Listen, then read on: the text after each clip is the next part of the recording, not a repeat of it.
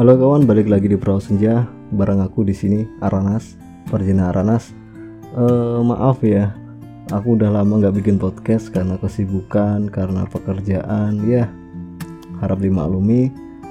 Maaf banget sebelumnya aku janji bakal upload podcast satu minggu sekali atau beberapa hari sekali, tapi karena keadaan ini nggak mendukung ya akhirnya ya terabaikan gitu aja. Tapi mungkin mulai hari ini, mulai saat ini aku bakal uh, upload podcast tiap minggunya karena kesibukan udah berkurang. Uh, dan juga berhubung kemarin ada yang minta dibikinin lagi podcast ya akhirnya aku bikin lagi gitu. Uh, barangkali podcast ini bisa nemenin aktivitas kalian bisa nemenin kalian waktu kerja waktu ngapain aja uh, biar serasa ada yang ngajakin ngobrol gitu. Uh, kali ini kita bahas apa ya? Oh iya, kalian pernah nggak sih jatuh cinta sama seseorang yang membuat kalian menaruh harapan yang sangat besar kepada orang tersebut.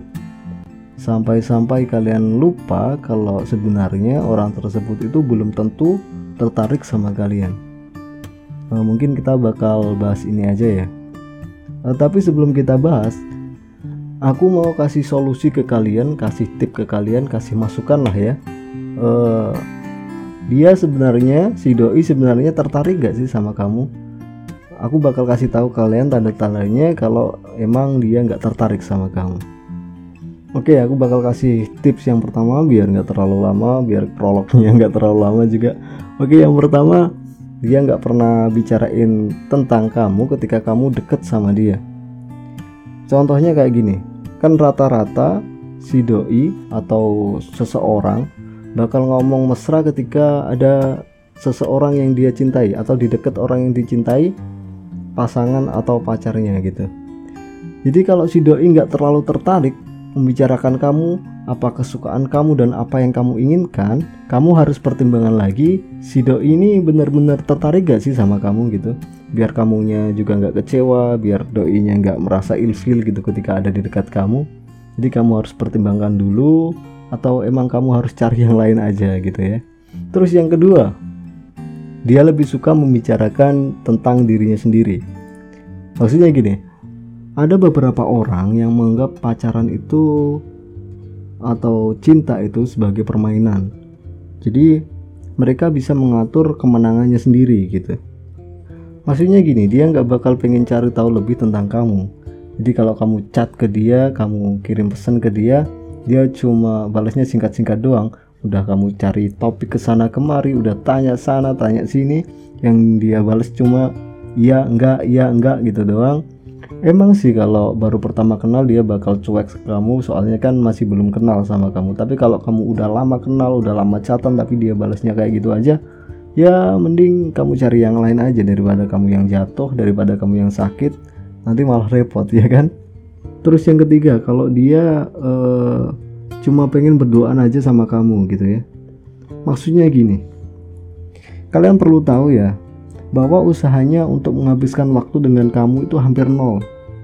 Gak cuma dia terlalu sibuk atau banyak acara dengan orang lain tapi jika dia mau ngajak kamu ke rumah cuma pas lagi berdua aja atau ketika ada maunya ini biasanya cowok-cowok ya kalau emang ada maunya atau memang lagi ada butuhnya kamu harus pikir ulang gitu kamu pikir ulang soalnya orang-orang yang kayak gitu itu emang gak pantas buat kamu. Dia cuma ngubungin kamu ketika ada butuhnya dia ngubungin kamu ketika ada maunya doang lebih baik kamu cari yang lain aja. Kamu lebih uh, pantas dapatkan orang yang lebih baik dari dia. Terus yang keempat si doi nggak ada konsisten antara perkataan dan perbuatan. Nah percuma ngomong manis tapi kalau nggak ada buktinya kan? Kebanyakan ya uh, ini mau entah cewek atau cowok mesti yang di awal hubungan mereka bakal ngomong manis-manis kalian bakal di PHP in gitu ya. Tapi nggak ada buktinya nggak ada tindakannya sama sekali. Udahlah tinggalin aja dia emang nggak suka sama kamu dia emang nggak tertarik sama kamu. Terus yang keenam dia menghindari segala bentuk kemesraan di depan umum. Jadi dia nggak bakal pegang-pegang tanganmu di depan umum. Dia bakal bertingkah biasa aja padahal kamu udah nganggap hubungan kamu lebih lebih dari teman tapi dia cuma nganggap biasa aja. Ketika di depan orang banyak dia nggak mesra-mesra atau apalah gitu ya. Ya cari aja lah yang lain. Oke selanjutnya dia nggak pernah membuka obrolan yang detail. Maksudnya gini kalau dia benar-benar sayang sama kamu kalau dia benar-benar punya perasaan sama kamu dia bakal berusaha untuk mendengarkan setiap detail kata yang kamu lakukan. Contohnya kayak gini seumpama kamu punya teman yang habis operasi gitu ya. Terus dia tanya dia baik-baik aja kan operasinya gimana lancar nggak? Terus sekarang dia sehat nggak? Kan kayak gitu misalnya. E, contoh lain adik kamu gimana? Udah bisa nyetir mobil belum? Atau sekolahnya gimana gitu ya? Tapi kalau dia eh, nggak pernah tanya-tanya yang detail banget ke kamu ya mending kamu cari yang lain aja.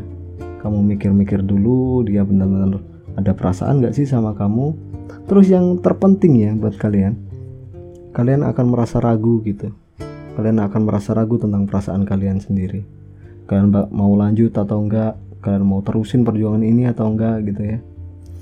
Kalau dia emang benar-benar tertarik sama kamu dia bakal nunjukin perhatian sama kamu. Kalau dia emang gak tertarik sama kamu ya seperti yang aku katakan tadi uh, ciri-cirinya ya kayak tadi itu. Kalau dia emang suka sama kamu dia bakal nunjukin ke kamu. Tapi kalau dia emang gak suka kamu dia bakal biasa-biasa aja uh, aku juga pernah ngerasain seperti apa yang kalian rasain. Aku juga pernah suka sama seseorang sampai-sampai aku menaruh harapan yang besar banget buat ke dia. Tapi ya mau gimana lagi? Cinta bertepuk sebelah tangan gitu ya. Karena dulu aku pernah menganggap cinta itu semanis madu ya. Selembut benang sutra yang membuat kita semua dimabuk cinta. Kok jadi putus ya? Ya udah nggak apa-apa. Kita terusin aja. Tapi ternyata di balik manisnya madu itu ada dusta yang meraja menghancurkan helai demi helai benang sutra cinta yang kita jalin bersama tapi lamanya jalinan cinta itu tak bisa menggambarkan hidup harus bersama. Terkadang cinta yang tulus akan menjadi hampa jika ada dusta yang menghampiri. Yang bilang cinta itu buta cuma kalian aja yang lagi mabuk cinta. Saat semua berakhir, terkadang nyawa pun merasa tak berharga. Karena kakekku dulu pernah bilang, cintailah seseorang dengan apa adanya, cintailah dengan seadanya. Jangan mencintainya karena ada apanya, karena cinta itu tak harus memiliki, bukan?